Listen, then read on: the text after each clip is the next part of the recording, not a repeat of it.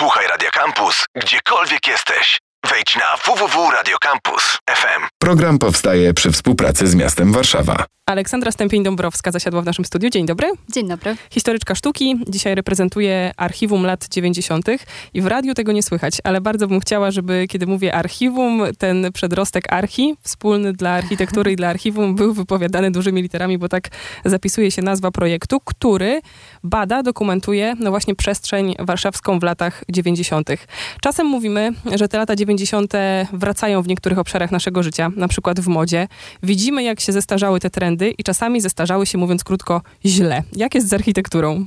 Architektura nie jest wyjątkiem. W latach 90. architekci borykali się jeszcze z doświadczeniami poprzedniej dekady, e, która była dekadą takiego budowlanego zapóźnienia, e, problemów materiałowych, problemów technologicznych. E, i, I w początkach lat 90., zwłaszcza, te problemy bardzo silnie dawało sobie znać. Więc architektura lat 90. jest architekturą z krótką datą ważności i tym bardziej warto zajmować się nią teraz, y, bo to chyba ostatni moment przed licznymi wyburzeniami, które są planowane. Jak mówisz braki materiałowe, to w ogóle mi się to nie łączy w głowie z tym, jak sobie wyobrażam te budynki z lat 90., bo one zawsze są takie odrobinę szalone, jeśli chodzi o te swoje fasady i konstrukcje. Często bardzo kolorowe, pełne no właśnie jakichś takich mm, zdobnych form. Nie widać tam takiego minimalizmu, który by się z oszczędnością kojarzył. To też jest e, trochę wybiórcze myślenie o latach 90., ponieważ e, bardzo często ono, one są utożsamiane z dekadą postmodernizmu, e, a tymczasem na przykład w drugiej połowie lat 90. silnie dało sobie znać neomodernizm, kiedy powracano do architektury sprzed, wojna, do, sprzed wojnia, do takiej elegancji dawnych apartamentowców, właśnie takiego szlachetnego minimalizmu. Ale jeżeli chodzi o ten postmodernizm, to też jest tylko część prawdy. Gdy przyrównamy te obiekty do tego, co działo się no, kilka dekad temu w architekturze na świecie, okaże się, że ten nasz postmodernizm jest takim budowaniem troszeczkę inaczej. Tu damy łuczek, tam damy daszek, tam damy kolorek. Nie ma w tym e, jakiejś bardzo pogłębionej filozofii. Jest to pewna strategia formalna, bardzo uproszczona, właśnie dlatego, że nie do końca wiadomo było po pierwsze, z czego budować, jak łączyć te klocki, a po drugie, jaki właściwie styl przybrać po 1989 roku dla tej nowej, transformacyjnej rzeczywistości. I była też jakaś presja czasu? Pomyślałam, czy nie można było się na tym spokojnie zastanowić, tylko trzeba było w tej niewiedzy budować? Oj, presja czasu była bardzo silna, bo rzeczywiście, kiedy e, pojawiły się nowe możliwości budowania, czyli trochę poszerzyły się te granice związane z, no właśnie, pewnymi technologa- technologiami, materiałami, ale też dostępnością działek budowlanych, to mało było czasu na autorefleksję i, i, i ta presja budowania wydaje mi się, że bardzo mocno zaważyła na tym, w jaki sposób Warszawa wygląda teraz. Włodarze miasta y, na przykład bali się wymagać czegokolwiek od inwestorów, dlatego że myślano, że jeżeli postawią jakiekolwiek warunki, no to nikt już nie będzie chciał y, czegokolwiek budować. Łapano się tych inwestorów y, ba, ba, bardzo mocno, tylko po to, żeby ten rynek budowlany, ten, ten rynek nieruchomości w Warszawie żył. To też dlatego, że gminy ratowały sobie w ten sposób nadwątlone budżety. Sprzedaż działek, uczestniczenie w spółkach, spółkach, które koniec końców skutkowały postawieniem danego obiektu, no właśnie przynosiło gminom fundusze, dzięki którym mogły inwestować w jakieś inne wiem, pola funkcjonowania, nie wiem, w szkolnictwo czy, czy, czy w zdrowie. Ile y, obiektów, tak będziemy może je ogólnie nazywać, zinwentaryzowaliście, umieściliście na mapie w archiwum lat 90.? We współpracy z wolontariuszami udało nam się zinwentaryzować 383 obiekty. To jest, jak wchodzi się na stronę, jest taka e, niebieska plama, która zalewa całą Warszawę, to dopiero początek naszej pracy, bo nie udało nam się uwzględnić na tej mapie wszystkiego. Będziemy się starali to nadrabiać. E, mapę można filtrować e, po to, żeby jakoś w tym e, nawale obiektów się zorientować, czyli możemy sobie wyszukać na przykład tylko obiekty biurowe w dzielnicy Ochota, a może apartamentowce na Białołęce. E, poza tym możemy też spacerować sobie e, śladami takich kilku spacerów spacerów tematycznych, które stworzyliśmy, żeby trochę merytoryki w tę e, czysto e, ilościową mapę wprowadzić, czyli na przykład szlakiem koloru w architekturze, neomodernizmu właśnie, spółdzielni mieszkaniowych, czy powrotu do przeszłości. Nie staraliśmy się dzielić tych budynków na dobre i złe. Staraliśmy się właśnie pokazać taki ogrom przemian architektonicznych, które dokonały się w przestrzeni Warszawy po 1989 roku, pokazać ich skalę i tym też skłonić trochę do dyskusji na temat tego, tego dorobku, bo okazuje się, że no, to była architektura naszej codzienności, to było coś, co nas kształtowało. Warto się nad tym pochylić. E, tak jak już wspomniałam, to chyba ostatni moment. Mam tam swoją ulubioną kategorię, która nazywa się obcy kapitał. Dlaczego pochodzenie pieniądza ma znaczenie albo miało znaczenie? Obcy kapitał to chyba też e, ulubiona kategoria współkoordynatorki projektu e, Alicji Gzowskiej. To pokazuje no właśnie trudności związane z pierwszymi latami e, kapitalizmu, kiedy, tych, kiedy tego kapitału właśnie nie było.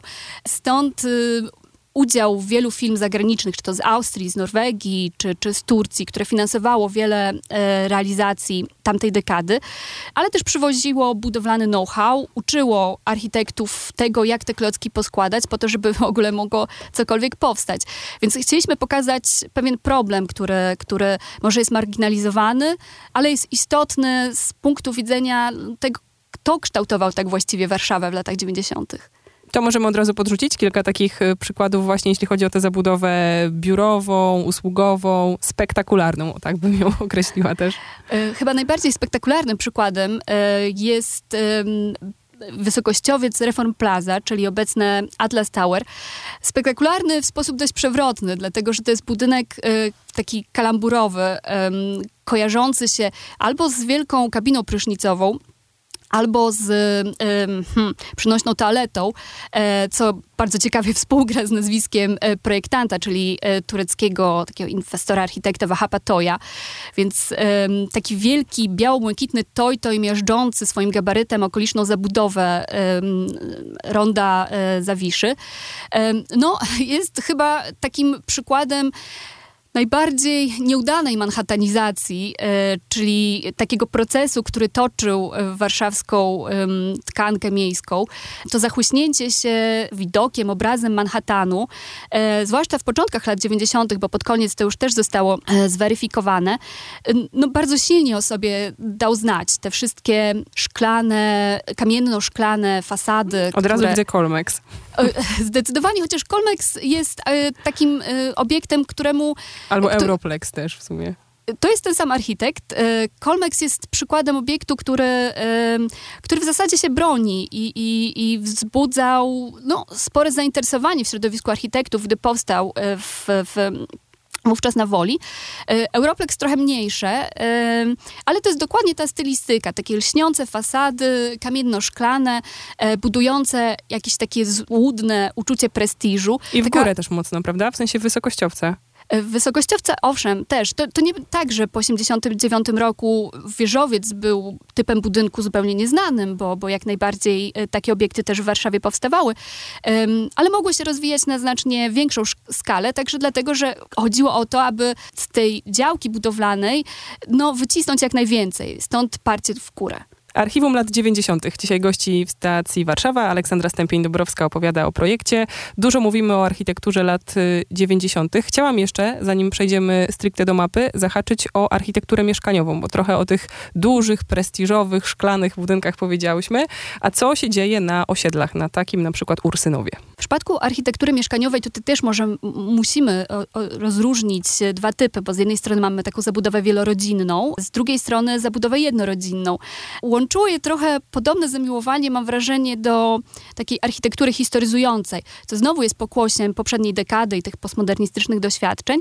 Natomiast y, zdecydowanie to jest y, kierunek, który też y, rządził architekturą biurową, czyli takie chęć indywidualizacji przestrzeni, e, budowania prestiżu poprzez bycie architekturą wyjątkową. Stąd na przykład budynki mieszkalne potrafiły nawiązywać do, do pałacy, na przykład udawać klasycystyczną królikarnię. No, tych, tych, y, tych szaleństw, tych fantazji architektonicznych w kierunku takiego powrotu do przyszłości w architekturze mieszkaniowej było sporo. W architekturze jednorodzinnej też dawało sobie silnie znać, chociażby poprzez odwołania do, do dworków, czy, czy, czy no, budowania sobie jakichś architektonicznych fantazji, łączenia bardzo wielu różnych stylów e, w obrębie jednego budynku. Architektura lat 90. jest w ogóle takim okresem, kiedy te fantazje e, architektoniczne i ta kalamburowość bardzo silnie rezonują.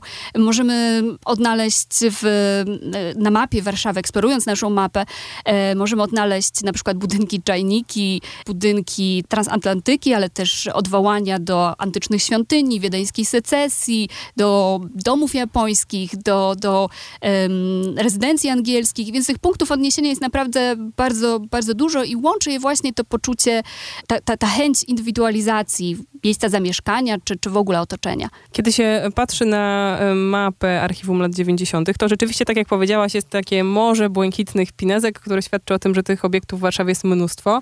Ale czy są takie obszary miasta, gdzie to nasycenie architekturą lat 90. jest ultra wysokie, albo dokładnie odwrotnie, gdzie może nie było już dla niej miejsca albo potrzeby budowania? My też nie, nie udało nam się być może mocniej eksplorować y, obrzeżnych dzielnic, więc tutaj na temat y, obecności architektury lat 90., na przykład w Rembertowie, niewiele mogę powiedzieć. Za to najwięcej inwestowano w Śródmieściu i na Woli. A propos nieobecności też y, tych budynków. Gdzieś na początku naszej rozmowy wspomniałaś o y, wyburzeniach. Co się dzieje? Ile tych budynków z lat 90. Y, znika? Ile zostaje? Mamy przecież też sprawę Ilmetu, tak się nazywa ten wysokościowiec przy rondzie ONZ, tak, który tak, tak. też zostanie wyburzony i to Pierwszy... się wydaje takie spektakularne i trudne do uwierzenia, bo tak ogromny, tak duży w takim też centralnym punkcie Warszawy zniknie. Tak, rzeczywiście to obracające się logo Mercedesa na szczycie Limetu było e, jakiś czas temu jeszcze taką latarnią morską nowoczesności. E, natomiast obecnie Ilmet jest jednym z tych budynków, które czeka raczej smutny los. Pojawiają się głosy, że podobny los e, czeka także Atrium, hotel Holiday Inn, e, także Colmex. E, no, grupa tych budynków, które zdają się już nie pasować gabarytami do działek, na których stoją, jest znaczna i poza tym, że ta architektura architektura nam się trochę wizualnie, tożsamościowo zużyła, no to przede wszystkim te budynki są ofiarami pędzącego kapitalizmu i, i tego, że no, na ich miejsce powinno pojawić się coś, co, co przyniesie inwestorowi znacznie większy zysk. A może mamy też drugą stronę, czyli na przykład jakieś takie budynki, które już teraz dostrzegamy, że powinny zostać chronione. Kiedy się pracuje nad listą tak zwanych chyba dóbr kultury współczesnej, to wydaje mi się, że te obiekty z lat 90. już tam powoli wkraczają, jeśli nie wkroczyły na pełnej. Wkraczają, ale to wciąż jest trochę takie myślenie życzeniowe, bo znalezienie się na takiej liście, e, która no, jest takim przedsionkiem do uznania danego obiektu za przykład obiekt zabytkowy, no jeszcze nic nie znaczy, nie, nie daje takiej silnej prawnej ochrony, która powstrzymałaby różnego rodzaju wyburzenia. E, bardzo ciężko jest stworzyć kanon architektury lat 90. My też jakoś w projekcie nie staramy się e, takiego stworzyć, dlatego że no, te historie opowiadane przez budynki y, bardzo często nie idą w parze z ich jakością architektoniczną. Czy ciekawsza historia może się wiązać z budynkiem, który materiałowo czy, czy ideowo, formalnie nie jest może czymś, co warto byłoby zachować. Dlatego my skupiamy się trochę na tych historiach po to, żeby je ocalić, żeby, żeby przechować je w naszym archiwum.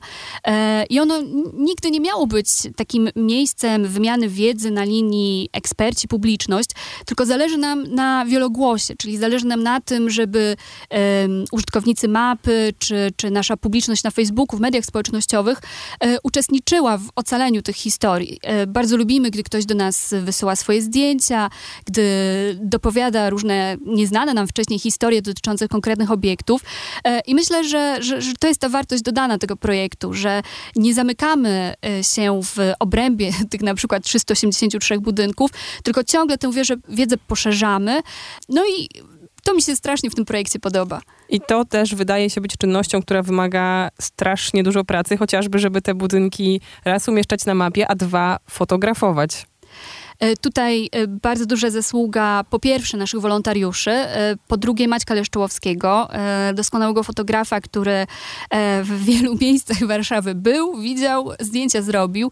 To naprawdę był ogrom pracy. Odsyłamy na stronę Archiwum lat 90. i po to, żeby spacerować tropem tej architektury, ale też właśnie może po to, żeby raz obudzić swoje wspomnienia, a dwa, może coś do działalności archiwum dorzucić. Aleksandra Stępień-Dąbrowska opowiadała w naszym studiu. Dziękujemy. Dziękuję. Program powstaje przy współpracy z miastem Warszawa. Radio Campus. Same sztosy.